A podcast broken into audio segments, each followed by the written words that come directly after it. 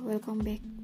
Di sini aku akan membacakan lagi salah satu tulisan yang aku tulis di salah satu buku catatanku tertanggal 14 September 2021 di Solo. Isinya begini. Gak mau ceritanya habis di kamu, gak mau cintanya habis di kamu, gak mau tololnya habis di kamu.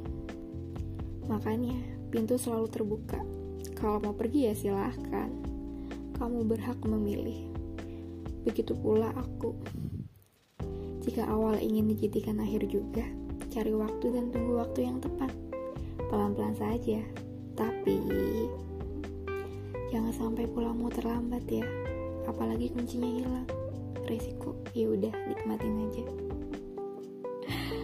ya, aku nulis itu tuh tiba-tiba secara tiba-tiba gitu dan ternyata setelah saya baca ulang lagi wow bagus ya. Ya makanya dibagiin di sini. Semoga kalian yang baca juga seneng ya. Yang baca. Semoga kalian yang dengar juga seneng ya. Ini aku sekali tag doang loh. Ya semoga dapat diambil hikmahnya. Oke okay, bye see you